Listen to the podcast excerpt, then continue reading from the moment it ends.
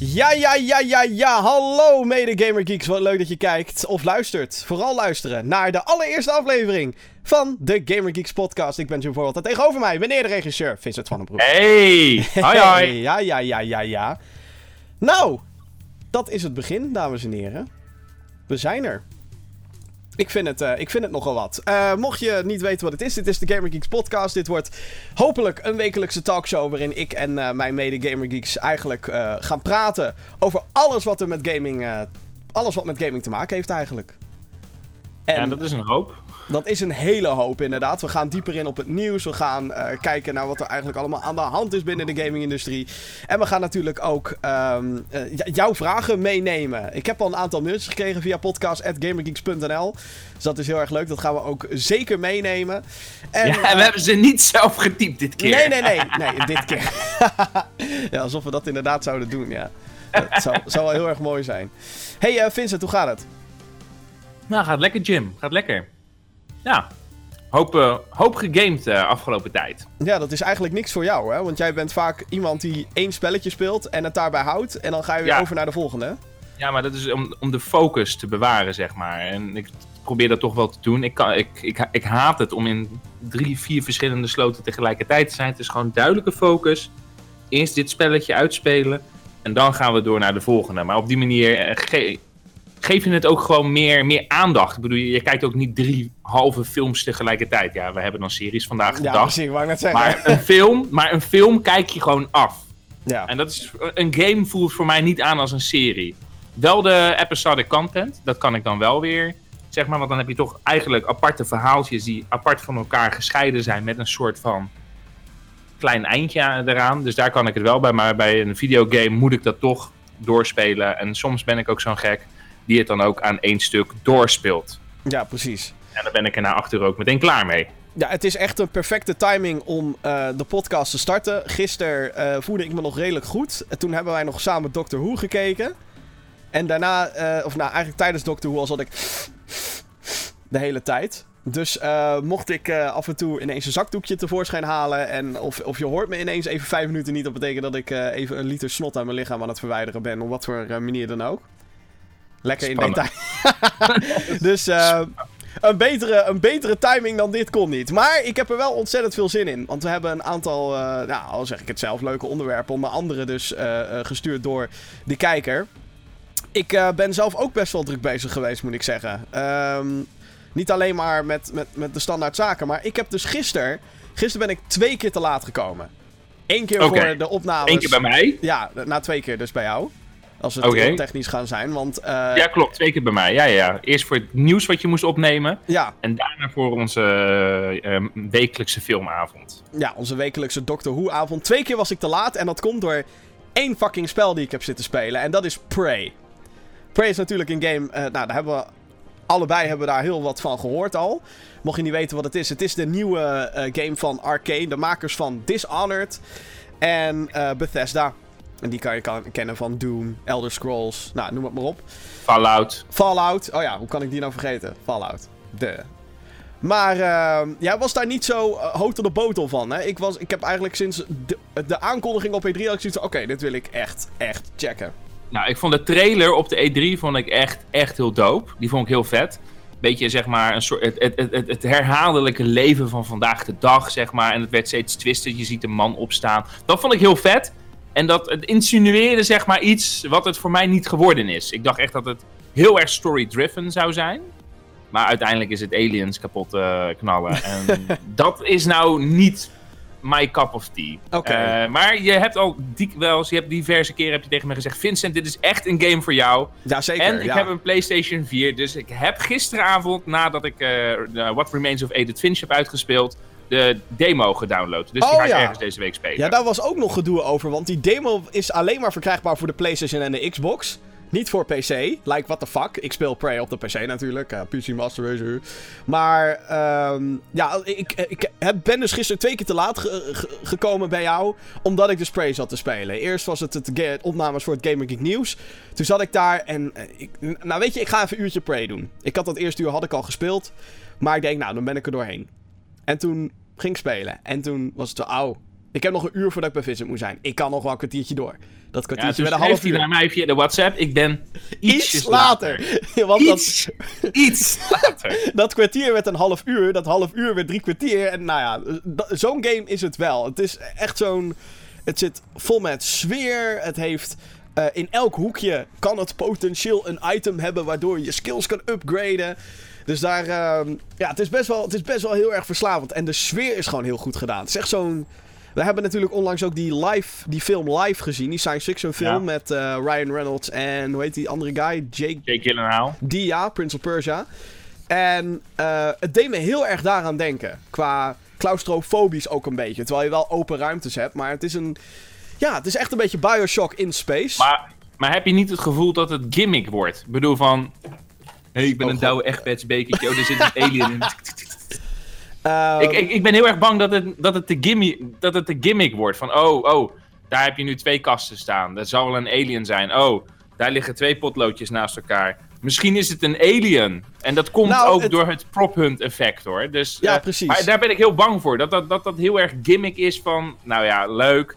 Het is een trucje. Ja, want Klaar. aliens kunnen... Of althans, er is een type alien. dat- Die heet de Mimic. Die kan dus in alles transformeren.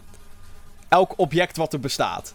Maar dat effect is super cool gedaan. En eh, in het begin zie je van, oh ja, whatever. Maar vervolgens kom je andere aliens tegen. Die vermommen zich niet. Die verstoppen zich wel. Of die kunnen teleporteren, Ja. whatever. Ehm, maar dan verlies je dus een beetje dat moment van, oh ja, mimics. En dan opeens kom je in een kamer binnen die al helemaal overhoop is gehaald. Dus ja, dan is het niet Ja. raar dat er twee stoelen op de grond liggen, bijvoorbeeld. In een Nee. conference room. Maar dan ineens is één van de twee is zo'n mimic. Nou zijn Ja. ze wel, ze zijn niet heel gevaarlijk. Dus het, het is vooral een leuke gimmick in het begin. Ik hoop inderdaad dat de game in de long run nog eh, interessant blijft. Want het is inderdaad wel. Hè, alleen die mimics alleen is niet genoeg. Maar van wat ik tot nu toe heb gespeeld. Ik ben nu drie uur bezig of zo. Ja. Ehm, ik merk toch wel dat. ehm, ja, ik merk toch wel dat er intriges in zitten. En, en vooral mysterie in het verhaal. Van wat gebeurt er nou in godsnaam? Ja. Ja, het, je, bent, je, bent drie uur nu in het spel ongeveer. ja, bijna drie uur volgens Steam. Ja.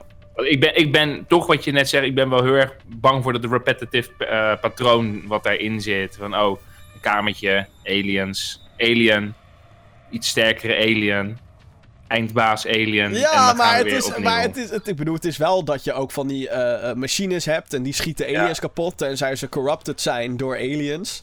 Ja. Zijn, zijn er nou ook nog mensen in dat spel? Er zijn mensen, Eh, ja. En ik ben er in deze volledige game die ik nu heb, ben ik daar nog niet aan toegekomen. Toen ik bij Nee. Bethesda mocht spelen een paar weken terug wel. Toen was er dus zo'n guy in zo'n, in zo'n prison cell. Die had zichzelf daar opgesloten. Want die denkt, ja, fuck, ik weet niet hè, wat ik moet doen. En jij kan dus ook weer die keuzes maken van laat ik hem eruit, laat ik hem zitten, kill ik hem. En dat gaat waarschijnlijk invloed hebben op het verhaal. En is het een open world of is het een level? Wat Het is echt een het- beetje Bioshock-achtig. Dat je hele grote open levels hebt. Ja. Je kan terug. Eh, en dat vind ik op, tot, op dit moment zo interessant. Dat je. eh, je, je eh, ik heb dan bijvoorbeeld een. Er is een kluis en die is dicht. Er zit een code op. En eh, uiteindelijk kom ik erachter wat die code is. Een stuk later.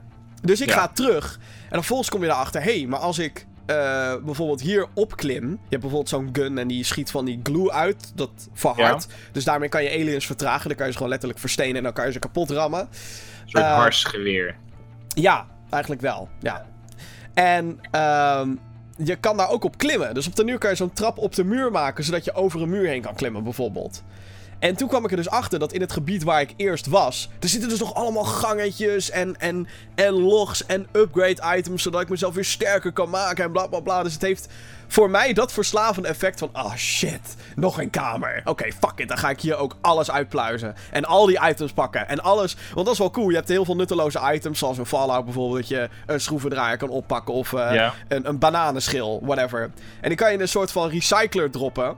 En die laten dan materials vallen en die kan je dan weer gebruiken om in een 3D-printer ammo en medkits te craften. Ja, het is echt... Ja, dat, dat is wel lauw. Dat 3D-printer verhaal, dat is wel... eh, Het is dat echt. wel vet. het- ik, ik denk dat je het gewoon een keertje eh, moet meekijken. En dat het dan wel interessant is. Nou, ik ga eerst dat uur spelen en dan zien we verder. Ja, Maar precies. ik weet, jij houdt ook van Doom en het, eh, ik, ik, daar ben ik helemaal niet Ja, zo maar van ik in denk die dus dat de, de, de combat is nog niet eens zo het heeft niet echt de nadruk daarop of zo. Het zijn hele korte bursts van, oh shit, hier zijn aliens. En dan moet je een manier vinden om ze Ja, te maar het verslaan. is niet een ziekenhuisgang, zeg maar. En in elke kamer zitten van die motherfuckers. Nee, nee, en ondertussen nee, ben je niet. eigenlijk alleen maar aan het schieten. Nee, helemaal niet zelfs. Je bent meer aan het uitvogelen van, oké, hoe kan ik van A naar B komen? En, oh shit, deze deur is op slot. Nou, kan je dan ergens overheen klimmen? Of moet je echt die keycard vinden? Of ga je de boel hacken, à la Fallout? Of eh, ga je eh, de deur forceren? Want je hebt dus ook skills dat je sterker kan worden. Dus op den duur Ja. kan je eh, waarschijnlijk, zoals de game suggereert, kan je gewoon alles oppakken,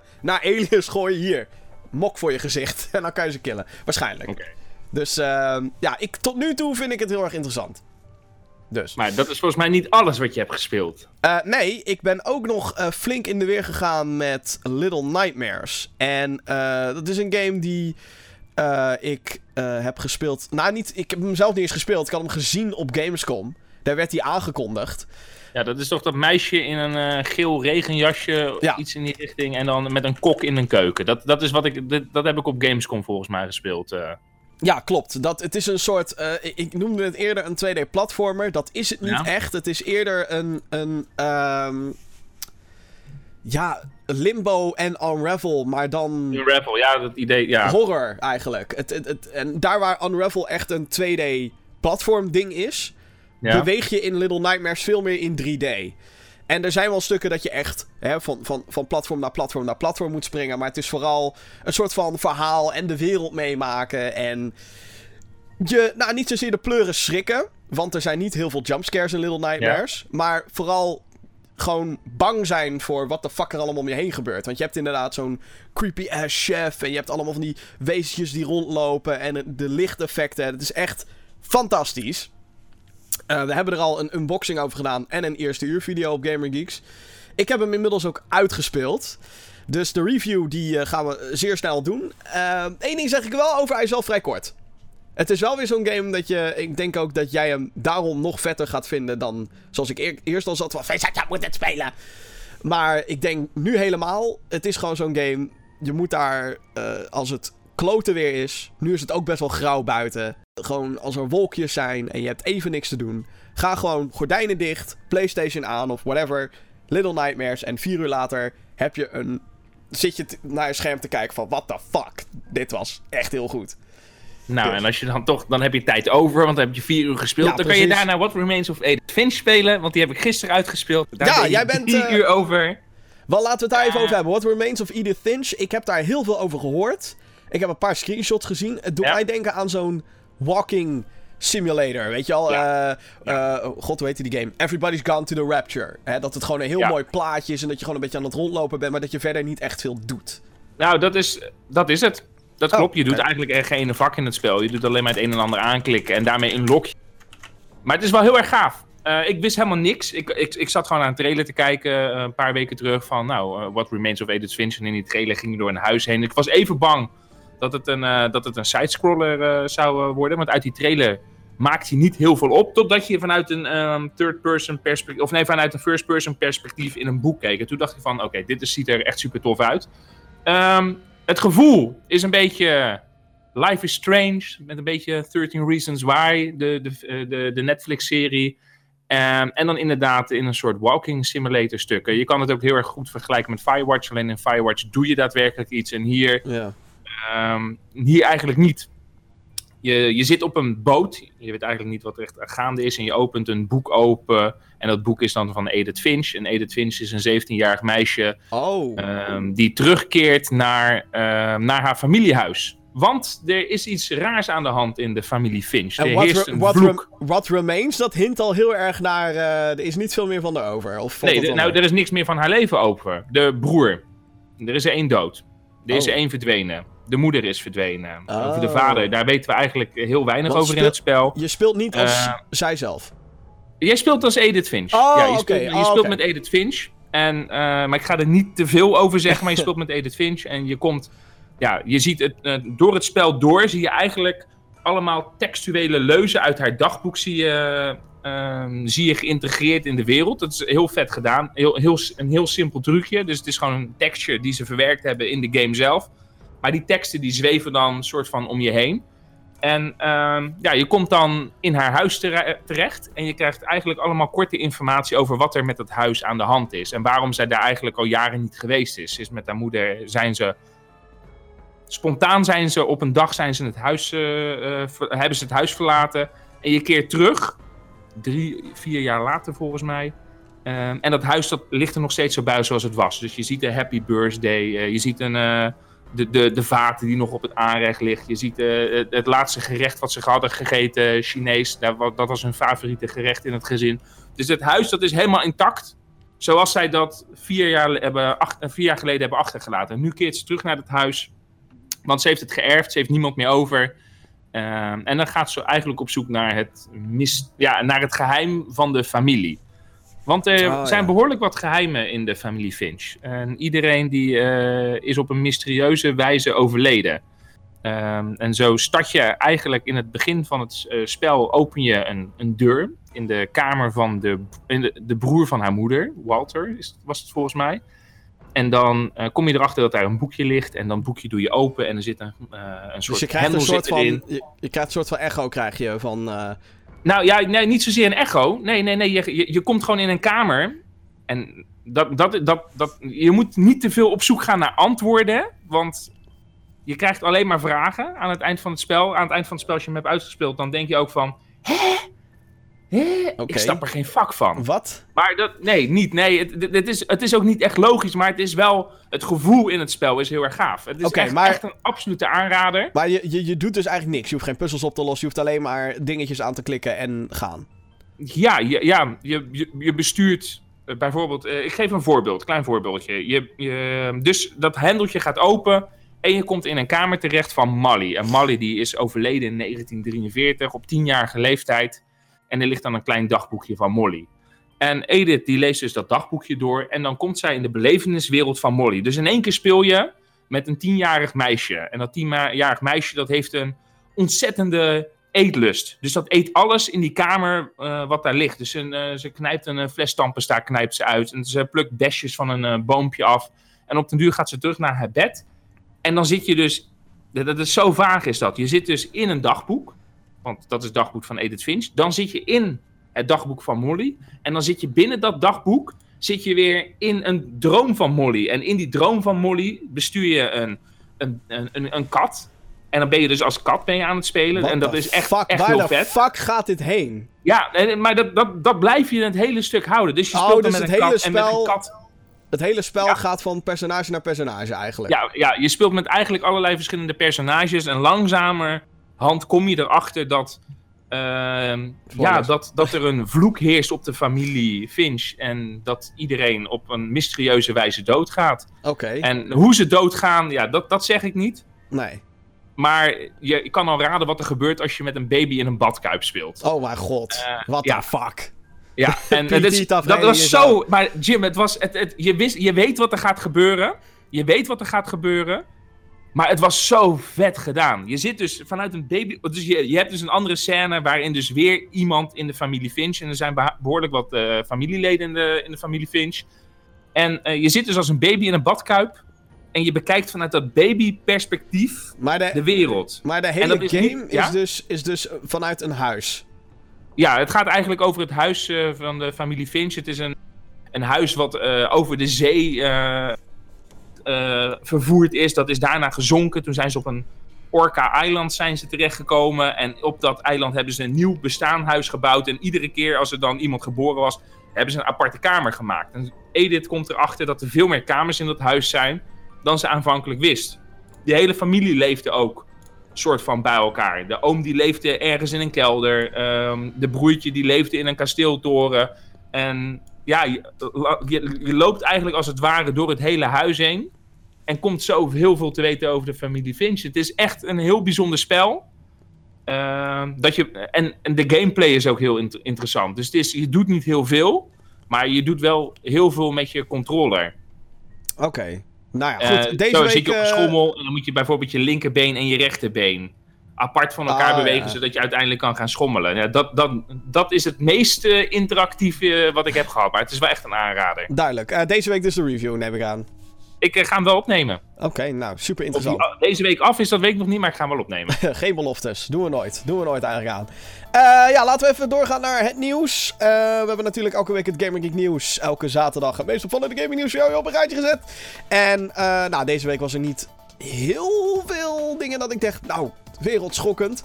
Dota 2 die krijgt een story mode in, eh, ja, story mode in de vorm van een co-op campaign. Vond ik zelf wel interessant, omdat je bijna nooit een MOBA die zo gefocust is op het competitieve, dat ze dan vervolgens een story mode erin gaan doen. Ik vind dat eigenlijk ergens wel tof. Ik zou bijvoorbeeld best wel pleiten voor een Heroes of the Storm eh, story mode, waarin al die characters elkaar ontmoeten. En dan, what the fuck is dit? Diablo versus Rainer, dat soort dingen. Nee, Fist is het er niet mee eens.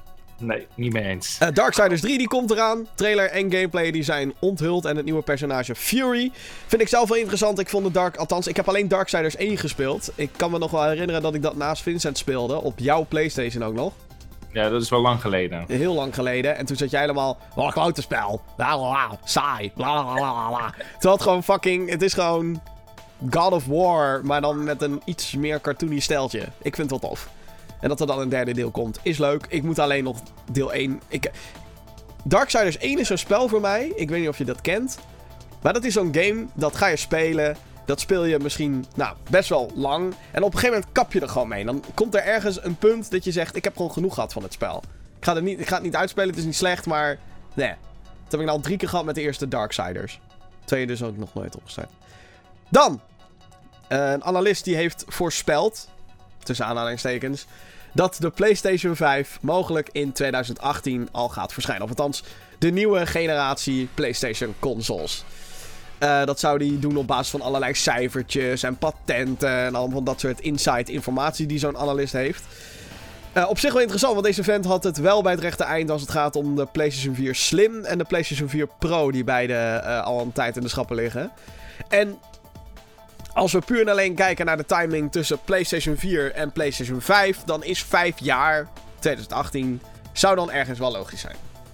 Ja. Maar, Ja! maar... Nog niet heel lang geleden is er de PlayStation Pro gekomen. En als je het eh, vanuit dat, eh, dat stuk bekijkt, heb ik zoiets van... Dan vind ik het eh, heel, erg, heel erg kort dag. Het is een eh, gerucht wat niet, eh, niet zomaar ergens van, eh, vanuit, komt- vanuit een hoek komt vallen. Dus inderdaad wat je zegt, die man die heeft al best wel wat, wat voorspellingen gedaan die wel zijn uitgekomen. En er is onlangs is er ook een, een, is ook een gerucht, een vacature van een bedrijf wat achter de, de factoring van de PlayStation 4 zat. Met een vacature da- daarin van dat ze op zoek zijn naar personeel voor een nieuwe, voor een nieuwe console. Ja, maar consoles worden natuurlijk handheld. altijd ontwikkeld. Ik bedoel, Nintendo is Ja. ook al in de hele vroege fases met... Goh, wat, eh, wat kunnen we nu doen? En eh, Ja. hè, wat, wat, wat, wat, wat wordt het volgende? Wat wordt de volgende hype? Hoe kunnen we de technologie gebruiken? Ja, ik... ik... Het zou ik- trouwens niks verbazen als het eh, een opvolger van de PlayStation Vita wordt of iets in die richting. Dat zou, Of dat een- zou ik zelf dan weer te gek vinden. Want ik vind de Vita echt fantastisch. En ik denk dat Sony nu heel goed kijkt naar het succes van de Switch. Dat dat ding Precies. toch wel goed verkoopt. Oké, het kan Ja. dus wel. Ehm, maar ja, dan moet je er wel games voor maken en hebben. Mhm. De Switch heeft dat ook amper nu. Maar goed, die heeft dan weer de Nintendo gun factor mee en dat soort dingen. Dus eh, ja, dat is iets wat we in de gaten gaan houden, denk ik. Dus. Dan eh, gebeurden er nog meer dingen. Dingen die dan eff- net even niet in het Gamer Geek nieuws zitten. Ehm Vincent, wat vind jij van gameverfilmingen? Ik ben eh, wel voorstander van gameverfilmingen, zolang het niet de Resident Evil franchise is. of Doom. Of kut. PD. Zo, sowieso mag die Duitser geen eh, films, eh Oh, eh, games verfilmen. Maar verder, eh, verder ben ik er wel voorstander van.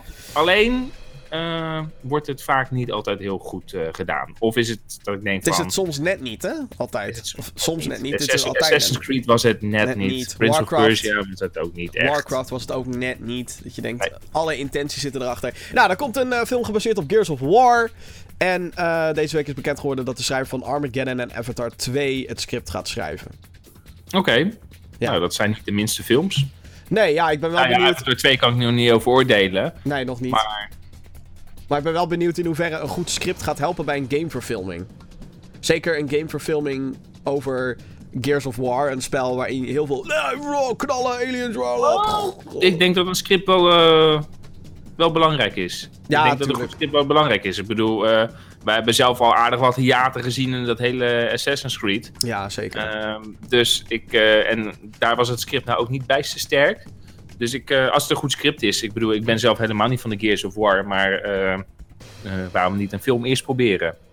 Deze week wordt er een uitspraak gedaan voor een Russische Pokémon Go-speler. Hij riskeert 3,5 jaar gevangenisstraf, want hij heeft het spel gespeeld in een kerk. Dat mag allemaal niet. En dat heeft hij op YouTube gepost. Natuurlijk ook niet slim als je in een land woont waarbij je weet dat mensen daarvoor opgepakt worden. Dus die vent is opgepakt. Eh, deze week eh, komt er dus uitspraak in de zaak. 3,5 jaar gevangenisstraf voor het spelen van Pokémon Go Maar even, voor, krijgt hij nou een gevangenisstraf omdat hij Pokémon Go speelde in een kerk? Of krijgt hij een gevangenisstraf omdat hij zijn mobiel heeft geopend in een kerk?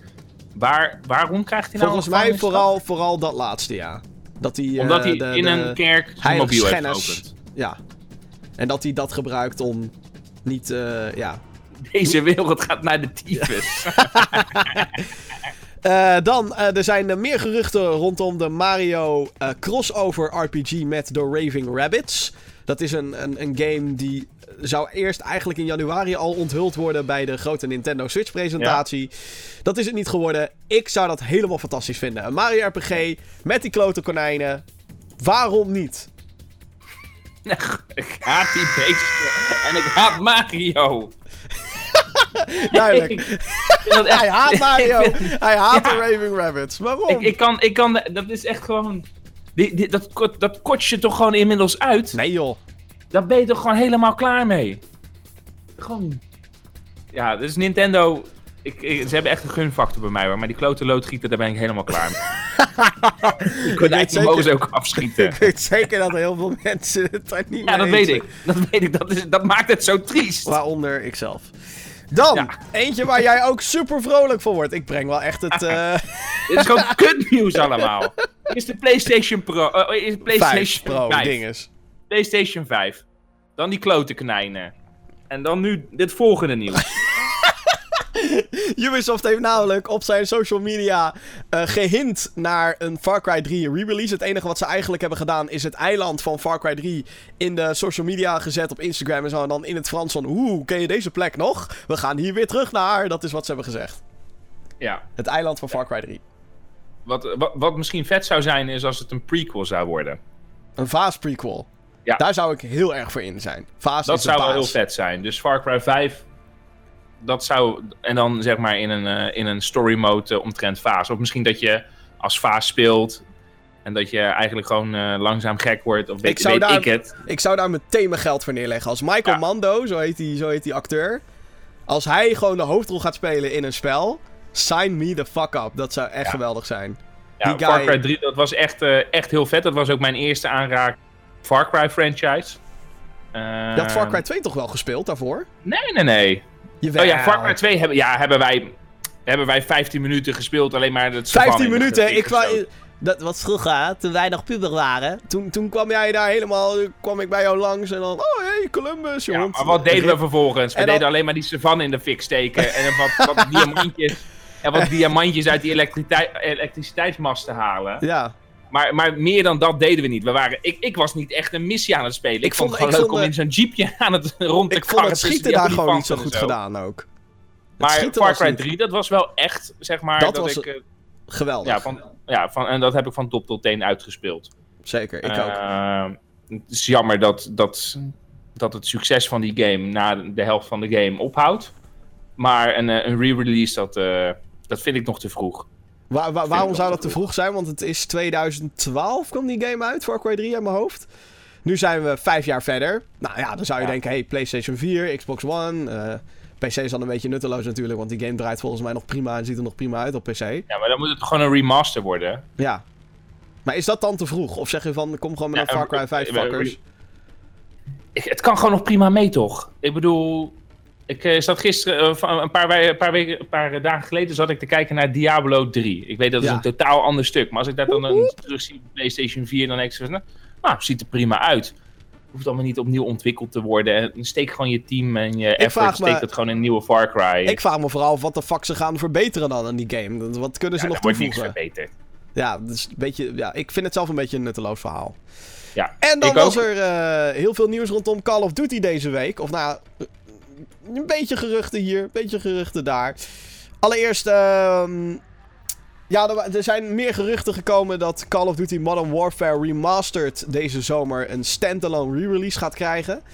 Call of Duty eh, Modern Warfare is Call of Duty 4 eigenlijk, kwam 9,5 jaar geleden uit. En eh, vorig jaar werd hij opnieuw uitgebracht, geremasterd voor de PS4, Xbox One, PC. Maar die kon je alleen spelen als je Infinite Warfare kocht, de Legacy Edition. Dus je moest 60, oh kut, 60 plus 30 euro moest je betalen. Ik stoot tegen mijn microfoon aan. Eh, moest je betalen om überhaupt die remaster te kunnen spelen. En nu komt dan hopelijk deze zomer eindelijk de standalone game komt dan uit. Zou verdomme eens tijd worden. Ik denk, nou, dat, dat, is al, dat had al lang. Dat had al lang gereleased moeten worden. Mensen waren Infinite Warfare heel snel zat. Ik ook. Eh, Ik ook. Ja, jij helemaal. Bij jou draaide die niet eens volgens mij. Dus, nee, eh, dat klopt. Door mijn virusscanner. fucking virusscanner. En een opvallend nieuws wat daarna kwam. Hier zijn we ook over gemaild. Podcast.gamergeeks.nl ehm, Dat Call of Duty Black Ops 3 nieuwe DLC krijgt. In de vorm van zombie maps. Dat eh, de- gaat de Chronicles DLC gaat het heten. En dat zijn zombie maps van eerdere games. En die hebben ze dan soort van geremasterd in Call of Duty Black Ops 3. Het rare is natuurlijk... Call of Duty Black Ops 3 kwam uit in 2015. Infinite Warfare kwam vorig jaar uit, dus waarom wordt daar dan niet shit voor gemaakt? Ik snap het niet. Het is echt een beetje... Je moet tegenwoordig alle Call of Duty's hebben, wil je kennelijk alle content hebben. Verschrikkelijk. Vincent vindt daar helemaal niks van. Eh, weet je, ik vind dat ook gewoon zo'n kutspel. Ja, maar dit jaar... Ja. Dit jaar... Ja. Ja. Oké, nou... Ook daar, ook daar ik, ik, ik, ik ben wel, wel, wel meer eerder geneigd dan om gewoon te zeggen van nou, laten we het dan nog een keer proberen. Maar Infinite Warfare, dat was eigenlijk, eh, dat zou mijn comeback naar de Call of Duty worden. Ook al weet ik dat die trailer fucking vaak gedisliked was en al dat shit. Maar ik dacht van, hè, nou misschien in space, misschien wordt dat wel vet. Maar dat viel wel, eh, dat viel wel reuze mee. En dan nu terug naar de Tweede Wereldoorlog. En Ja. iedereen, is, iedereen staat te juichen en iedereen staat te springen. En ik ik, snap die ik vind het helemaal te gek gewoon. Te gek dat ze dat gaan doen. Terug naar de Ja, Tweede eh, Wereldoorlog. Oké, maar leg uit, waar komt dan die hype vandaan? Oké, de, de- de- de Call of Duty was vroeger goed in de Tweede Wereldoorlog en daarna zijn ze van de Toen was het niet meer lauw en nu gaan we weer terug naar de Tweede Wereldoorlog en is het wel lauw. Maar dat betekent toch niet dat daarmee gewoon de essentie, de core van de game dan ook meteen is aangepast? Want het blijft gewoon nog steeds Call of Duty. Nou, ik, ik zal heel eerlijk bekennen. Ik heb dus eh Infinite Warfare heb ik dus gespeeld. De, de nieuwste. Eh, De multiplayer daarvan, ik vond het echt gewoon scheid. Je, je kan niet eens een, een hoekje om of je wordt kapot geschoten binnen een halve seconde. Je kan er niet eens op reageren. Toegegeven, Modern Warfare Remastered. Daar was het ook zo dat je heel snel doodgaat. Maar daar was het level design gewoon 80 keer beter. Zeg natuurlijk niet ja, maar dat is het level design Ja. van een game die dus destijds iedereen geweldig vond. Ja. En, En nou komt er een nieuwe game aan. Maar de reden ook waarom het veel beter werkt in Modern Warfare. Ik heb de oudere Call of Duty's. Ik heb daar alleen de singleplayer van gespeeld. De Tweede Wereldoorlog dingen. Maar wat heel goed werkte in Modern Warfare. Is dat je. Je kan niet jetpack jumpen. Je kan niet sliden. Je kan niet. Weet je, wel, je, je moet je echt houden aan de hoekjes en de levels. En door sommige objecten kan je eh, heen schieten ook. Eh, een soort van bullet penetration. Ik weet het. he- heeft een specifieke naam. Dat is te gek. Eh, de Tweede Wereldoorlog, daar begon Call of Duty. De eerste drie games waren Tweede Wereldoorlog. En het is natuurlijk nu ook een soort tijdperk die alleen in een paar games wordt dat nu uitgelicht. Een Sniper Elite bijvoorbeeld. Een World of Tanks. En nou, Battlefield 1 hebben we dan nu, maar dat is de Eerste Wereldoorlog. Dus nee. Het, de Tweede Wereldoorlog is gewoon een, een, een tijdperk waar, denk ik, iedereen kan daar een plaatje bij schetsen. Het is een van de meest hè, bekendste oorlogen die we hebben. Het is eentje die perfect is voor gaming, want je hebt geweren en je hebt eh, hè, eh, strategieën en granaten en bijna alles. En het is ook gewoon een heel... Omdat we het allemaal... Omdat het nog recent is, tussen aanhalingstekens... Kunnen we er allemaal een plaatje bij schetsen. En ik denk dat daarom de Tweede Wereldoorlog zo effectief is. En waarom het eigenlijk verdwenen is de afgelopen tien jaar... Is waarschijnlijk gekomen omdat we tien jaar geleden echt 80 Tweede Wereldoorlog games per jaar kregen. Dus En het kwam films. echt onze strot uit en films. En nu begin je toch weer een beetje die, hè, die researchers te krijgen. Dunkirk, die, die film van Christopher Nolan, is natuurlijk Tweede Wereldoorlog. Ja. Eh, nou, Battlefield 1, ook al is dat een beetje Eerste Wereldoorlog. vind het allemaal tof omdat het een beetje erop lijkt. Eh, en nu Call of Duty. Dus ja, ik vind, ik vind het een, een goede stap. Qua, qua promotie is het super slim natuurlijk. Want het is van, hé hey jongens, we gaan weer terug naar waar het allemaal begon. Toen het allemaal nog tof was. En het is ook Ja. wel een duidelijke reactie op eh, nou, de, de feedback die kwam van de science fiction Call of Duty's. Ik, nogmaals, ik snap niet waar dat vandaan komt. Want iedereen kocht jarenlang science fiction Call of Duty's. En vorig jaar was het ineens te veel. Dus ik snap het niet. Ik vind het wel tof. Het ziet er goed uit. In de trailers dan natuurlijk. We moeten het allemaal nog in beweging gaan zien. Maar eh, dat. Ja, ik ben blij dat, eh, Dat iemand. dat eh, mensen er gehyped over zijn. En ik, ik kijk het eventjes rustig af. En ik wacht wel eventjes de reacties rustig af. Want dat heeft Call of Duty mij geleerd. Gewoon even rustig af te wachten. zal goed Tot, tot de hype zich daadwerkelijk waar gaat ma- maken. Want als jij een tijdperk mocht kiezen voor Call of Duty, waar zou dat zijn? Geen Call of Duty. Oké. Nee, nee, Als jij een tijdperk mocht kiezen voor Battlefield. Ja, dan. eh, nou, E- Eerste Wereldoorlog vind ik prima. Ik vind alleen bij Battlefield. Wat ik, wat ik bij Battlefield mis, dat zijn die echte. Dat echte loopgraafgevoel. Dat is waar, ja. Ja. Dat, is wat ik, dat is wat ik mis bij Battlefield 1. Ik bedoel, het is. Ik vind. Nou, maar ik heb Battlefield 1 niet alles gespeeld. Dus dat moet ik er wel bij zetten. Maar wat ik wel bij Battlefield 1 had, was dat het misschien iets te geromantiseerd was. Het beeld. Met die. eh, ja, het is en- wel. eh, Ik bedoel, er zijn paarden en vlammenwerpers en oorlogstreinen en vliegtuigen allemaal bij elkaar. Ja, maar het is niet, maar het is niet dat, dat de Eerste Wereldoorlog was echt, echt fucking gruw, eh, gruwelijk. Ja, als ja. in, zeg maar, niet positief gruwelijk, maar gewoon echt gewoon... Het was niet. Daar wilde je, gewoon, daar wilde je niet zijn. Met Het het was ook- gas. Daar wilde je niet zijn in die loopgraven. Mensen storven dat- gewoon natuurlijk aan de tyfus. Omdat ze twee weken eh, of langer, drie weken, drie maanden zelfs. Precies. in een loopgraaf Ja. vastzaten. Ja, en, en ik vind dat bij Battlefield 1 vind ik eh, iets geromantiseerd. Het is allemaal niet zo smerig. En het is allemaal niet... eh, je hebt niet dat gevoel, zeg maar, dat je echt door die modder heen aan het kruipen bent. En dat je alleen maar gewoon gebukt door die loopgraven heen kan lopen. Nee, het is dat is nog, waar. nog te veel gerush. En dat, Als, je, als je echt realisme wilt, dan moet je niet. eh, sowieso die shit niet serieus nemen. nee, nee. Daar kregen we nee, overigens een mailtje van, van eh, Jeroen, eh, Jeroen Helmonds. Thanks. Verder, nog mailtjes. Onder andere van Robert, podcast.gamergeeks.nl. Dat is natuurlijk het mailadres waar jij je commentaar kwijt kan.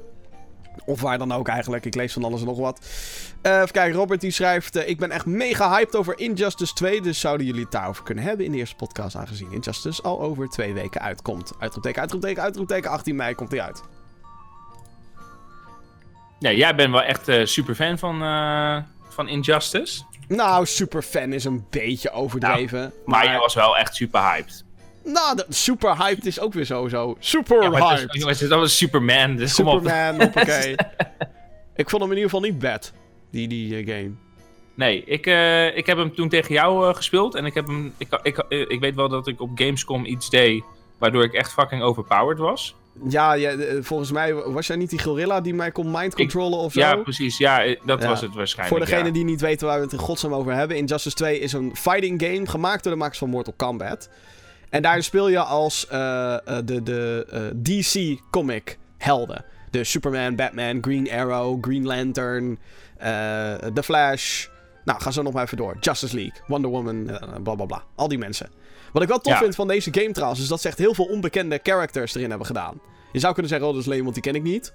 Maar, dat dacht ik vroeger dus ook van Marvel vs. Capcom 3. Ja, dan gaan we echt eh, heel lang geleden. Ja. Maar daar was het ineens van... Oh, hé, hey, we komen met een nieuw character. Rocket Raccoon. En wij zaten allemaal... What the fuck, what the fuck is dit? Een wasbeertje? Nou, nu zijn we in het Guardians of the Galaxy hype-tijdperk. En nu is het fucking awesome dat hij erin zit. Dus ja, precies. Ja. ik vind het wel wel tof. Ik denk wel dat het... eh, ik, ik denk alleen niet dat het een bijzondere game gaat worden. Het is gewoon weer... Ja, het speelt weer hetzelfde als Mortal Kombat en de eerste Injustice. Gewoon lekker mensen in elkaar rammen en een beetje het spektakel meemaken van super moves. Waarin Superman iemand door drie verdiepingen heen ramt en dan een super laser ja, en dat je dan inderdaad... En dat, ja, precies. Dat je dat van, echt van dat, in, van dat level gebruik maakt. eh, dat je dan in één keer een auto op iemand Dat je een. Batmobile inderdaad op, eh, op, op Oh, het ja. gezicht van Aquaman op flikkert, want fuck you. Zo- Zo'n game is het wel. Het is wel zo'n spel dat je... Ja, en ik denk dat deze game vooral leuk is om met mensen te spelen die er geen fuck van bank. kunnen. Exact, Ja, maar en op de bank. Gewoon met vrienden op Ja. de bank. exact. Maar het is, het is niet een spel eh, waar, waar ik zelf, dat, ik- dat ik dat dag in dag uit ga zitten spelen. Het is gewoon leuk voor de bij, maar daar blijft het bij. Ja, precies. Eh, Tim Nijborn. Hallo Gaming Geeks. Al- Allereerst wil ik zeggen dat het eh, leuk is dat mensen onderwerpen in kunnen sturen. Ja, ik zou zeggen, doe dat vooral. Podcast.gaminggeeks.nl Een van de games waar ik me op verheug dit jaar is Agents of Mayhem. Gemaakt door Volition. Die hebben ook Saints Row en Red Faction gemaakt. Dus. Wat, eh, jij, jij wist er nog helemaal niks van dit spel. Nee, ik wist er niks van. Ik heb inmiddels heb ik wel het een en ander gezocht. Het is in ieder geval een game die gemaakt is door Deep Silver. Dus, eh, ja, die geven het uit inderdaad. Sorry? Die geven het uit inderdaad. Ja, klopt. En ehm, eh, ik weet niet of ik dit lauw ga zitten vinden, maar dat komt een beetje door die, door die, ja, door die zullige karakters. Ehm, als dit nou bijvoorbeeld Guardians of the Galaxy had geheten, dan had ik het echt heel erg lauw gevonden. Of als het de Justice, eh, hoe heet het? De Justice, nee, Justice League was het, toch? Ja, de Die, eh, Justice League, ja. Zo'n zo- zo'n soort vibeje eh, geeft het met zich mee. Dan had ik het super gaaf gevonden, maar nu heb ik zoiets van ja, het past wel precies in dit tijdperk. Ik zit, eh, Ehm. ik zit ook een beetje te kijken. Het is inderdaad een soort van Overwatch, maar dan open world of zo lijkt het wel. Ja, precies. Ja, hier, oh god, ik world zit- is, dat weet ik niet. Dat, eh, daar ga ik wel van uit, want het is... eh Van wat ik Saints Row was zie- natuurlijk ook open world. Of het zijn gewoon van die hele grote levels ook, weet je wel? Ja, Sa- Saints Row 3, dat vond ik wel echt heel leuk om te spelen. Dat heb ik, eh, dat heb ik heel veel met, met Jeroen heb ik dat gespeeld. En totdat, totdat onze game was gecrashed en we alles kwijt waren, daar ah, heb ik het dat nooit is meer aangeraakt. kut! Ja, daar hebben we het nooit meer aangeraakt. Oh ja, nee, maar het was wel, eh, en dat was een beetje dat GTA, dat GTA-gevoel. Een alleen beetje dan over de top GTA was het. nog lolliger. Ja. ja. ja. ik zit nou gewoon een beetje te kijken. Ja, het is echt een soort van eh, Overwatch open world. Maar wat ik wel al heb begrepen is dat dit echt alleen singleplayer is. En dan denk ik, ja, what the fuck? Is dit alleen singleplayer? Ja. Dat is raar. Ik zal het nog even voor de zekerheid even opzoeken ook. Maar dat, dat zou bij mij echt een soort dealbreaker zijn. Want dit is juist zo'n game waarbij je... Hey, ben jij online? Ja, ik ben online. Hartstikke leuk. Ja, alleen de singleplayer Precies, zoals met GTA 5 online. Of zelfs met games zoals The Division of Ghost Recon of whatever. Ja, nee, ik Ja. zit nu te kijken alleen een singleplayer mode. Dus dit is voor mij al meteen van, oké, fuck it. Wat is dan het nut van meerdere characters hebben? Ja, dat je meer variatie hebt, maar what the fuck? Ja, Ja, maar dat, dat keert niet. Want je kiest uiteindelijk kies je toch je favoriete character. dat is waar. Je, Ja, en je ja, blijft er toch dat, ja. mee, mee spelen. Dat was nog een leuke van bijvoorbeeld een Borderlands of zo. Dan ging ik als één personage en dan ging jij als de- een tweede. En dan gingen we gewoon samen door die game heen. Ja. Of Diablo, of nou, noem elke co-op game eigenlijk maar op. Dit Mhm. schreeuwt co-op dit, als ik hier naar kijk. Ja, het is Ja, echt... maar het ademt wel echt co-op uit. Ja, zeker. Ook omdat je in auto's... Ja, nee, dit is echt open world. Kan niet anders. Het ziet Ja, er wel goed uit. Het is open world. Ik zou eigenlijk bijna willen dat dit ding Crackdown heette. Dan hadden we daar tenminste ook nog wat eh, van. Weet je wel? Hij denkt whatever, het zal wel. Dus. Wat is Crackdown dan? Crackdown. Ken je Crackdown niet? Dat nee, was dat ken ik niet. een open world game eh, door, voor de Xbox. Xbox, Xbox exclusive. En dat, daarin was je een soort super soldier was je daar. Oké. Met als gevolg dat je, nou, je kon wel in auto's springen, maar op den duur kreeg je de power om gewoon die auto's weg te trappen. En kon je zo hoog springen dat je gewoon op een flatgebouw kon springen. Dat is echt wel, is echt wel tof, was dat. En er is al jarenlang een derde in ontwikkeling en we horen daar al jarenlang niks meer over. Maar dat was dus voor de Xbox. En dat nieuwe- verklaart een hoop. waarom, ik het niet, waarom ik het niet ken. Waarom ik het niet ken. Meer dat. Oké, ehm, het gesprek van de dag, dames en heren. Ik kreeg namelijk ook nog een mailtje van Rafiek, podcast.gaminggeeks.nl. En eh, ik kreeg net een mailtje binnen ook, hartstikke leuk. Even kijken, Rafiek. eh, hallo eh, beste geeks, hallo, mijn naam is en ik ben fan. Nou, hartstikke leuk. Dit jaar eh, kwam Resident Evil 7 uit. Ik vond het persoonlijk een topgame. Alleen duurde het maar 10 uur om hem uit te spelen. Super hot, topspel. Is nog een voorbeeld. Het is een van de beste games die ik ooit heb gespeeld. Maar in 3 uur ben je er klaar mee en daar betaal je 22 euro voor. Hierbij mijn vraag, en ik vind het een hele goeie. Hoe lang moet een game ongeveer zijn? En ik denk dat dat een mooi is om over te- overheen te buigen. Zeker omdat, omdat wij natuurlijk nu ook. Eh, wij hebben, hè, ik heb net Little Nightmares uitgespeeld, is best wel kort. Jij hebt Edith Finch uitgespeeld, is best wel kort. Tegelijkertijd heb jij weer 80 uur in Horizon Zero Dawn gestoken. Hè, ik zit nou in Prey, waarvan ik zoiets heb van daar ga ik heel veel eh, tijd in kwijt zijn. Wat, eh, wat is jouw take daarop? Hoe lang moet een game zijn? Ja, dat is natuurlijk gewoon een, het is een gevaarlijke vraag. Want dat, hoe lang moet een game zijn, dat is natuurlijk gewoon van oké, je, je kijkt een beetje naar van hoeveel heb ik ervoor betaald. Eh, hoe ziet het spel eruit? Ik bedoel, ehm, ehm, dus dat, dat zijn allemaal factoren die daarbij komen spelen. Neem een spel bijvoorbeeld als Heroes of the Storm, daar zit eigenlijk geen eind aan. Dus eh, dat, dat, eh, dat is heel, Wacht, wacht heel lastig om wacht, voor mij. Even. Wacht even. Sorry? Wat zei je nou? Ik zei Heroes of the Storm.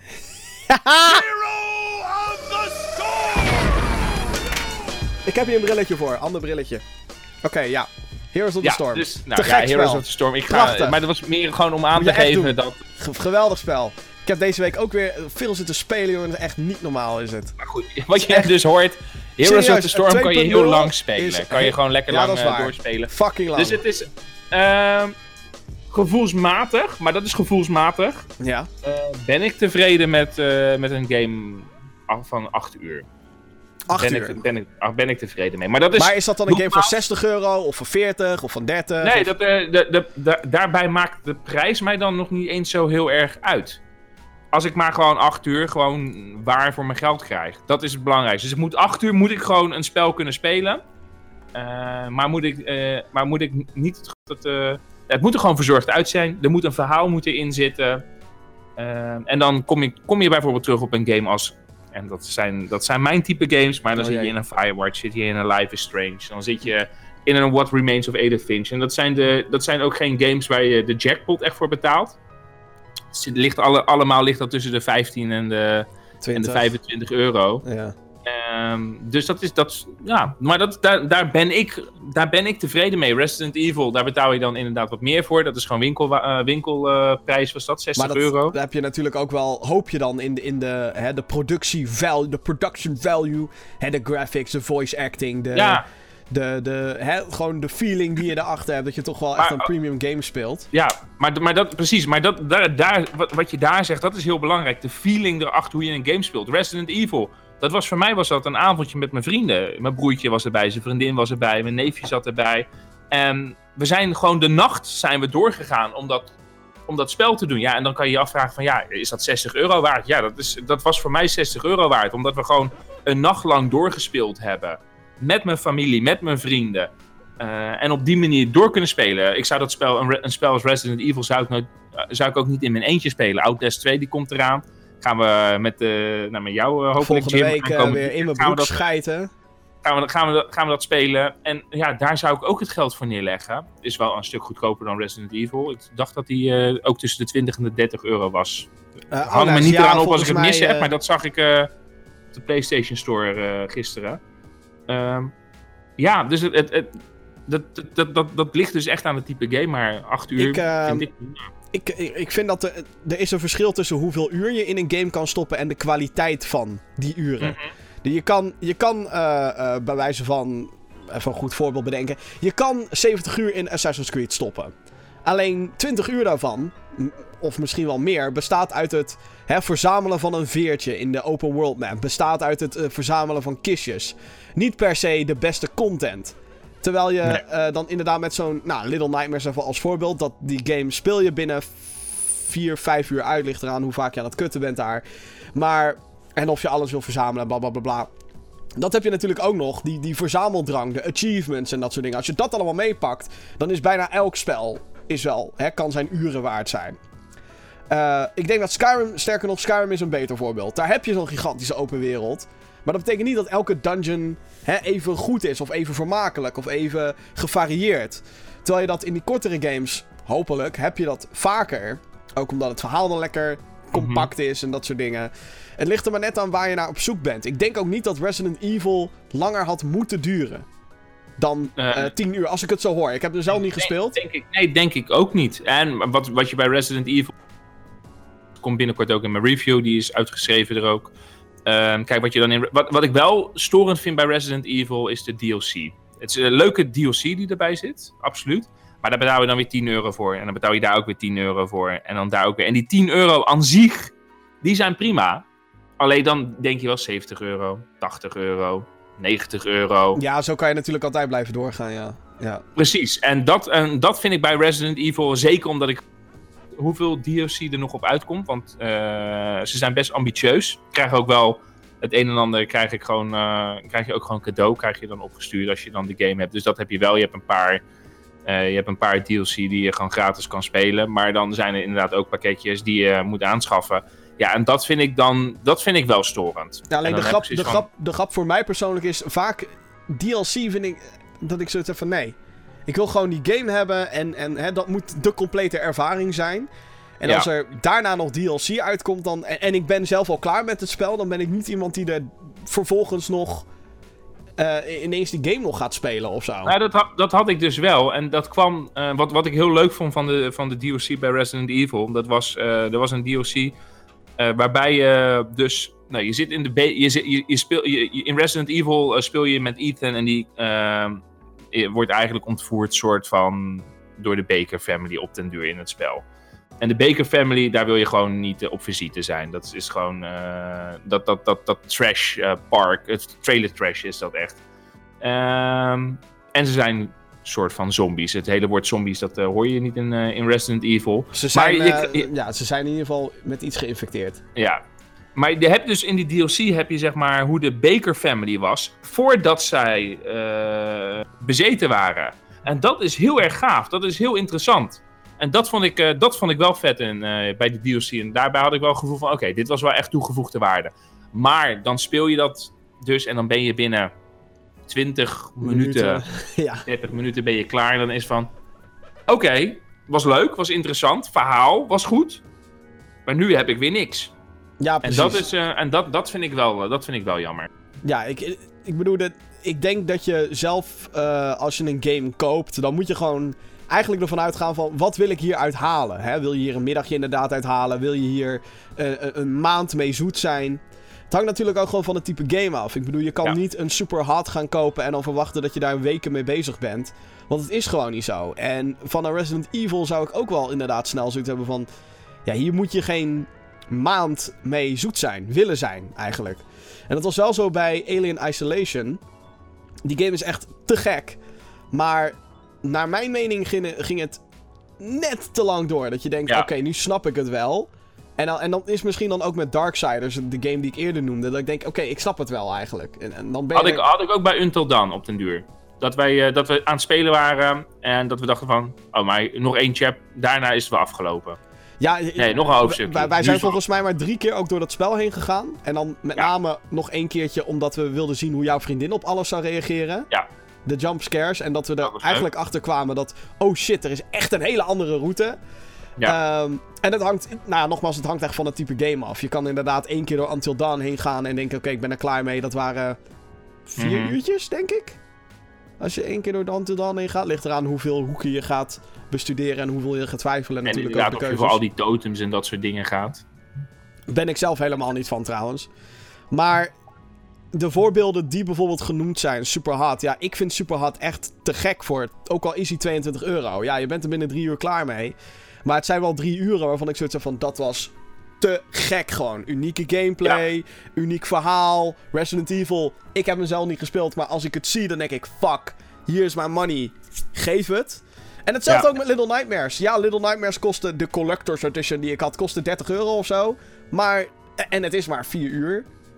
Maar dat waren wel 4 uur waarvan ik zo dat van, dat was te gek. Te gek. En, en ik vind het ook belangrijk dat je, een, dat je een game kunt uitspelen. Dat Ja. je eh, binnen een bepaalde tijd dat je kunt zeggen: van, Oké, ik heb hem nu klaar. En dit zijn games die je dus gewoon op een dag kan spelen. En dan is het gewoon na die dag ook klaar. Dan heb je dat voor jezelf afgesloten. Wat we ja, natuurlijk aan het begin van deze podcast zeiden. Ik speel graag van game naar game. Ik kan er niet tegen als ik hier een game half heb opgestart en daar een game half heb. Welcome to Dat my kan life. ik niet. Ik moet het echt, ik moet het echt gewoon stuk, eh, game voor game voor game voor game moet ik het kunnen uitspelen. Nou, en als dat dan 4, 5 uur is, prima. Meer dan genoeg. Ja, precies. Dus ehm, Liefst 8. kijk gewoon per game wat je wil en wat je niet wil. En ehm, ja, ik bedoel, ik, ik, ik denk dat de meeste games zijn wel prima eigenlijk qua lengte. Denk ik. ik Ja, voor de, voor de game die het is, het, het verwachtingspatroon wat ik vaak met een game heb, eh, dat komt redelijk overeen met het, eh, met het daadwerkelijk aantal uur wat ik, eh, wat ik erin speel. En er is ook een website voor, hè, die ook aangeeft. eh, Ja, Eh, ja hoe, hoe lang een game is, hoeveel lang- chapters, et cetera. Ja, ja. Ja, en, en natuurlijk zullen er altijd wel voorbeelden bij zitten waarvan je zoiets van, oké, ik ben het zat en dan speel je het niet uit. Maar ja, afhankelijk daarvan. Ik bedoel, als ik Darksiders niet heb uitgespeeld, maar ik heb er wel 12 uur plezier uitgehaald. Ja, waarom niet voor, voor, voor 60 euro? Maar natuurlijk Mhm. kies ik dan liever voor een Bioshock die ook 12 uur is ongeveer. Of 10. Een beetje afhankelijk nogmaals van hoe goed je bent. Maar dat, het gaat echt om de kwaliteit van de tijd die je erin stopt, denk ik. In plaats van eh, eh, het, het getal hoeveel uur. En het getal hoe duur. Alhoewel dat Ja. natuurlijk wel. Ik bedoel, als Little Nightmare 60 was geweest, had ik zelf ook wel zoiets gehad van... Guys, really? Weet je wel, dus het, het- je kan extreme op, op gaan noemen. Eh, ik denk wel dat we het erover eens kunnen zijn dat als je 60 euro neerlegt, dat je meer dan een middagje game verwacht. Ja, precies. Maar dat, ja, als je een bioscoopticket koopt voor, wat is de, de prijs 12,50 tegenwoordig vandaag? 12 denk uur, dan krijg je ook anderhalf uur plezier. Dus klopt wel, Ja. lijkt mij. Ja, wel lastig te vergelijken met elkaar natuurlijk, maar ja, blijft altijd wel. Goed. Ehm, dus ja, hoe lang moet een game zijn? Het is allemaal afhankelijk van je eigen smaak, denk ik. En ik denk dat de meeste games al prima zijn. Ehm, kijk gewoon naar, vooral type game, denk ik, allerbelangrijkste factor. Goed, eh, dan gaan wij naar een onderdeel die eh, eigenlijk alleen maar in de Gamer Geeks podcast ge- ge- ge- gedaan kan worden. Het is de Gamer Geeks Hall of. Ja. Dit is een onderdeel waarin we games gaan bespreken waarvan we eigenlijk zoiets hebben van... Die moet je gewoon een keertje spelen. Eh, go- gewoon doen. Gewoon, eh, maakt niet uit of die oud is. Hij mag nieuw zijn. Eh, altijd een geek die een game naar voren brengt van... Kijk, dit is nou eentje die behoort tot de Hall of Fame. Dit is wat je moet spelen. Vincent, Jim, jij, heb jij een game gekozen of moet heb ik mijn... een game gekozen, ja. Maar dat is gewoon een game, dat, is, dat weet bijna iedereen van mij. Dat is mijn een van mijn favoriete games tot nu toe. Ehm, Life is Strange. Oh, dat is, vind ik echt een spel. Dat, ja, nee, serieus. Dat is echt een spel waar je eh, gewoon minimaal het eerste hoofdstuk van gespeeld moet hebben. En dan weet je genoeg of je het wel of niet verder gaat spelen. Maar ontzettend tof. Echt ontzettend tof. Dat is eh, wel zo goed gedaan. Je speelt in Life is Strange speel je met Max. En Max, dit is een. eh, en dat, wat, wat ik heel gaaf vind van Life is Strange is dat ik. Ook al is het hoofdpersonage een vrouw. Eh, dat ik me heel erg met haar kon identificeren. En dat kwam omdat zij op een kunstacademie zat. Ik zat zelf ook al op een eh, kunstacademie. En ehm, dan zie je in een fotografieklas. En dan krijg je fotogra eh, foto, fotografen zie je dan voorbij komen. En dan denk je van, oh, dat ken ik, dat weet ik, dat is zus en zo. En wat ik heel interessant vond, juist omdat het hoofdpersonage een vrouw was, is omdat dat, dat ik echt het gevoel had alsof ik de wereld door de ogen van een, van een, ja, van een jonge dame bekeek. Eh, de tienerdrama die ik als man zijn niet op die manier heb, eh, heb ervaren. Eh, het gepest, zwangerschapstesten die ergens liggen. Dat soort, dat soort problemen die voorbij komen, dat, ik, ja, dat het voor mij wel een eye-opener was. Het was een ik, soort van nieuwe inkijk in het leven. ja, dat, dat ik wel even het gevoel had van... oké, ik bekijk nu de wereld eh, door de, echt door de ogen van iemand anders. En ik ben, eh, ik ben niet... Nou, ik ben ook niet, echt ook niet super sterk of zo. Maar eh, dat, ik, dat ik me wel wat zwakker moest opstellen. En dat vond ik, eh, dat vond ik echt heel interessant. Oké, want het is, het is eigenlijk een soort telltale game eigenlijk. Hè? Je, je loopt rond als Max en je moet soms raadsels oplossen en dat soort dingen. Ja, dat, zo zou je het kunnen inzien. Ik, vind het, ik vind, zelf vind ik de game wel echt heel erg op zichzelf staan. Je, je op den duur, je, je- Max, en dat, daar gaat eigenlijk de game over, heeft de mogelijkheid om tijd te beïnvloeden. Dus zij kan eh, elke keuze die zij maakt, kan zij weer ongedaan maken.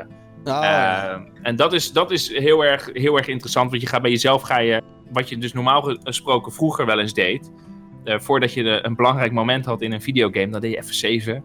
En dan liet je, en dan ging je kijken wat de consequentie was. En dan, als je het niet eens was met die consequentie, dan start je je PlayStation 3, was dat in mijn geval dan opnieuw op. Bij Fallout 3 ook. En dan ga je weer terug en dan start je je PlayStation opnieuw op. En dan ga je vervolgens voor de andere keuze. Van wat is, heeft nu de invloed? Oh dus ja. ja, je bent en eigenlijk daar alles, heb je in dit spel geen last van. Je, je ziet gewoon wat er gebeurt. Je, en de echte consequenties komen dan later. Dan heb je ook helemaal geen moment meer om daarop eh, op, eh, in te spelen. Eh, maar dat is wel op korte termijn wat er gebeurt. Dat is wel heel interessant om te zien. En het, ja, het, wordt van, het, het wordt alleen maar gekker in die game ook. Maar ik ga er niks over zeggen. Echt Gewoon, je, je, moet, je moet het gewoon spelen. Top. Gewoon Ik- alleen, alleen die trailer al kijken. En als je dan dat onderbuikgevoel hebt, dan weet je zeker dat je hem moet halen. 15 euro voor vijf eh, episodes. Ik heb er ook nog eentje. Eentje die eh, eigenlijk een beetje te maken heeft met afgelopen week. Want ehm, ja, vorige eh, afgelopen donderdag was het 4 mei. Dat is natuurlijk ook uh, dodenherdenking, dat is minder leuk. Maar het is ook Star Wars Day altijd. May the 4th be with you is dat altijd. En ik dacht van, nou dan moeten we het eigenlijk even over een Star Wars game gaan hebben in, uh, in de podcast. En hè, er zijn weet ik hoeveel Star Wars games. Wat is nou de allereerste die je moet gaan behandelen in zo'n in zo'n Hall of Fame? Want ik denk dat, we, dat er meer Star Wars games voorbij gaan komen. Vincent heeft er volgens mij... Hoeveel Star Wars games heb jij gespeeld? Um, Star Wars Battlefront. Ja. Uh, de Star Wars game die jij zo gaat opnoemen. Um, The Force Unleashed. Dat was oh, ook ja. een game, hè? Ja, die was dat heb gek, ik gespeeld. Ja. Lego Star Wars. Ik denk, ik denk 5, 6, 6 Star Wars games. Ja, nou, de, de game die ik uh, van harte zou aanraden als je die op weet te sporen, want het is een ouwertje. Star Wars Episode 1 Racer. We zijn natuurlijk ook een Episode 1 van de Gaming Geeks podcast, dus nee, waarom niet? En Episode 1 Racer is eigenlijk de, uh, het, misschien wel een van de beste dingen die uit die hele Episode 1 film gekomen is. Ik bedoel, die film wordt heel vaak uh, afgekraakt en uh, ja, je klote Star Wars heeft hem met childhood verlept en blablabla. Bla, bla. Deze game vond ik altijd al te gek. En dat is eigenlijk omdat het... Ik bedoel, iedereen kent die podrace scènes wel uit de, de, de, de Star Wars Episode 1. Anakin die in dat rare ding aan het rondzweven is. En het is dan een gigantische race. En dat neemt een kwartier in die film, neemt dat op. Te lang als je het aan mij vraagt. Maar wat wel echt te gek is, is de game die ze daaromheen hebben gemaakt. Dus uit één scène hebben ze gewoon een heel spel weten te creëren. Die uh, het, het gevoel van snelheid die de film probeerde mee te pakken. Slaagde het af en toe in, in die scène, denk ik. Dat wordt in deze game veel meer versterkt, omdat je het zelf bestuurt. Dus je kan dan als Anakin spelen in zo'n podracer. Je kan ook als al die andere random motherfuckers zien die je in, in die scène gezien hebt. Het is een racepel. Je gaat gewoon fucking snel. Je moet allerlei objecten uh, ontwijken. Want je kan in bijna alles kan je crashen. En je gaat langs al die Star Wars planeten. En dat is ook te gek. Je hebt natuurlijk een level op Tatooine. Gebaseerd op het level uit uh, de film. Of uh, het circuit uit de film. Hartstikke leuk. Maar daarnaast zijn er dus ook nog allemaal circuits op andere planeten. En dat is eigenlijk waar deze game shined wat mij betreft. Dat het, het is een supersnelle race game. Je kan het vergelijken als uh, een F-Zero. Maar dan in de Star Wars universe. Maar het doet het zo goed gewoon wat mij betreft. Die hele sfeer en de hele tijd hoor je die John Williams muziek op de achtergrond. Heerlijk. Hou ik van. Nou, this is pod racing. This is pod racing. Uh, mocht je hem nog op willen zoeken. Ik geloof dat hij op GOG te krijgen is. Weet ik niet zeker. Voor de, play, voor de PC? PC? Ja, ik heb hem altijd op de PC gespeeld. Altijd. Echt waar? Ja. Zeker. Ik heb hem op de Nintendo 64 gespeeld. Ja, hij is op de Nintendo 64 kwam hij uit en op de, uh, op de PC. En op de Dreamcast oh, later ook nog, trouwens. Oké. Okay.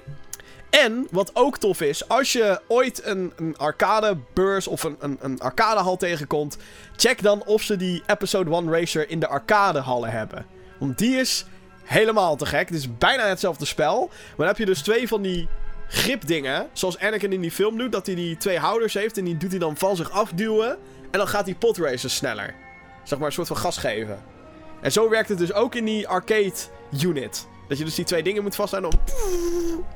en dat ding beweegt ook mee en zo. Te gek. Hou ik van, jongens. Star Wars Episode 1 Racer. Als je de kans krijgt, als je hem ergens weet te vinden. Nintendo 64, ook prima.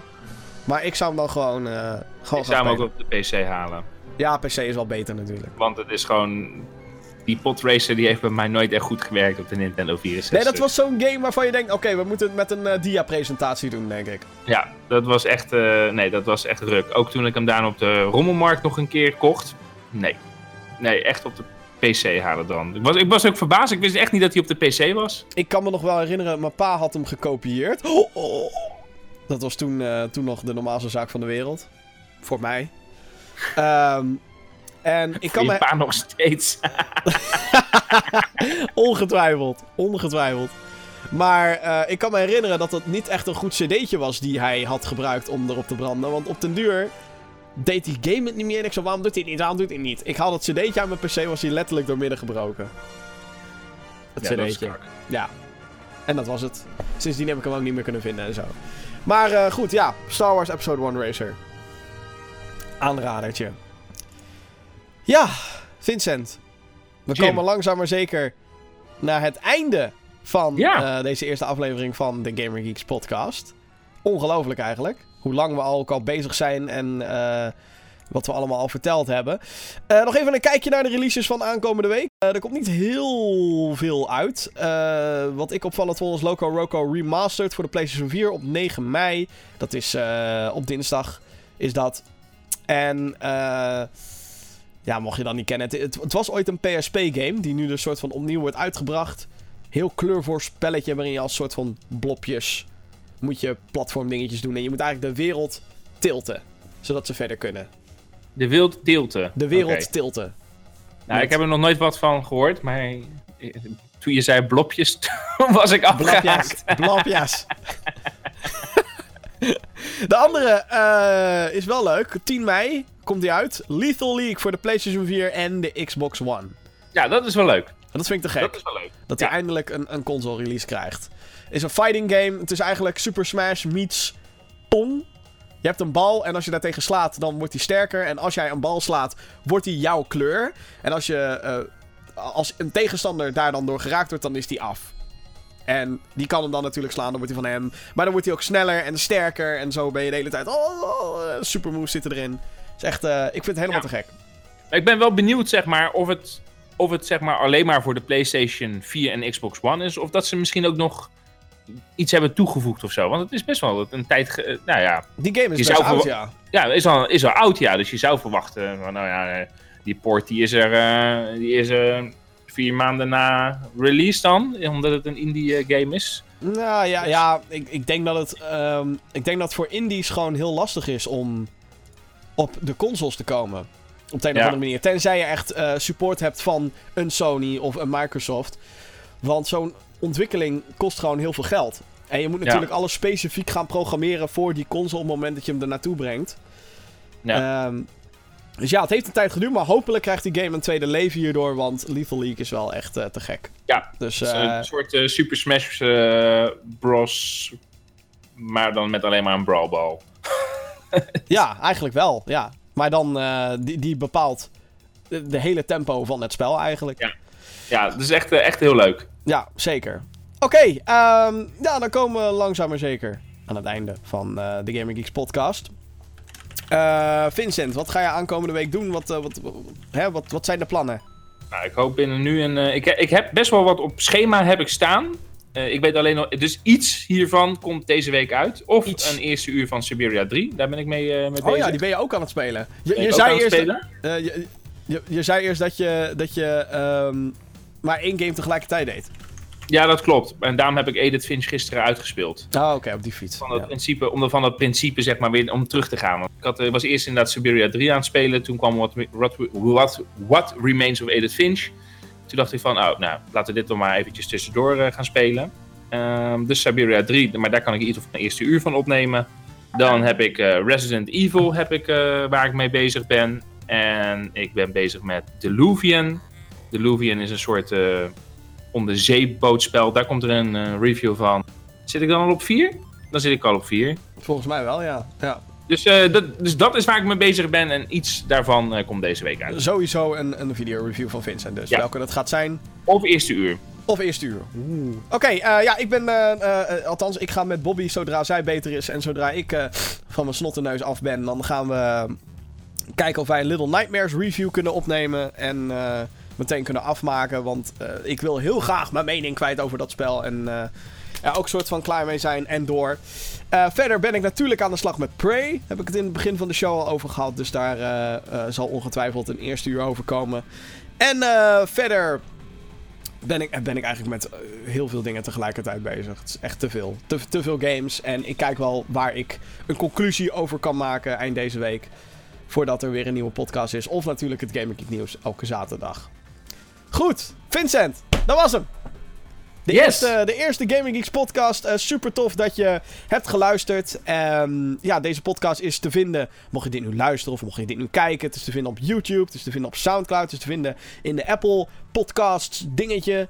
Ehm, dus eh, ik zou zeggen, deel het vooral. Laat iedereen weten. Vanaf nu elke maandag de Gamer Geeks podcast. Een gloednieuwe aflevering. Ehm, volgende week zijn we er dus weer. Dan zal niet Vincent naast mij zitten, maar een andere geek. Nog even kijken wie dat gaat doen. En als ze alle drie niet kunnen, dan komt Vincent gewoon weer. Dat is een belofte. Dus misschien tot volgende week. Misschien tot volgende week. Uh, sowieso wat, uh, wat betreft de podcast tot volgende week. Uh, laat dus vooral weten wat je ervan vindt. En als je onderwerpen hebt voor de show. Via podcast.gamergeeks.nl. En check in de tussentijd alle videocontent die we hebben. Op www.gamergeeks.nl Mensen, dat was de eerste aflevering. Tot later.